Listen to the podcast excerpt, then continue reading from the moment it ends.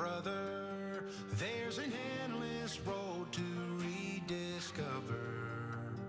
Hey, sister, know the water's sweet, but blood is thicker. Oh, if the sky comes falling down for you, there's nothing in this world I wouldn't do.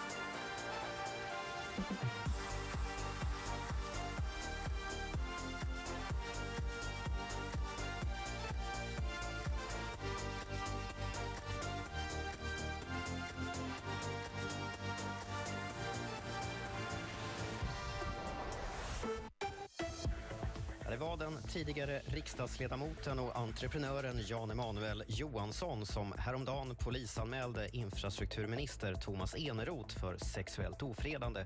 Det avslöjar han i en intervju med Dagens Industri idag.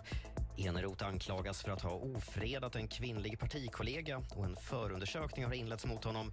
Och Jan Emanuel säger att han gjorde anmälan för att det kan vara ett brott och förtjänar att tas på allvar. Eneroth själv säger att han berörde kvinnan men att det inte var meningen att utsätta henne för obehag. Så till världskuppen i längdskidor för Maja Dahlqvist slog idag till med sin andra raka sprintseger i Lillehammer. Hon slutade 35 hundradelar före amerikanskan Jessie Diggins som kom tvåa. Dahlqvist inledde säsongen med att vinna sprinten i finska Ruka förra veckan och nu knep hon alltså sin andra seger och leder med det världskuppen. Vi ska avsluta med att riksdagens talman Andreas Norlén sen i somras har betalat runt 3 000 kronor ur egen ficka på sponsring av sina inlägg på Instagram.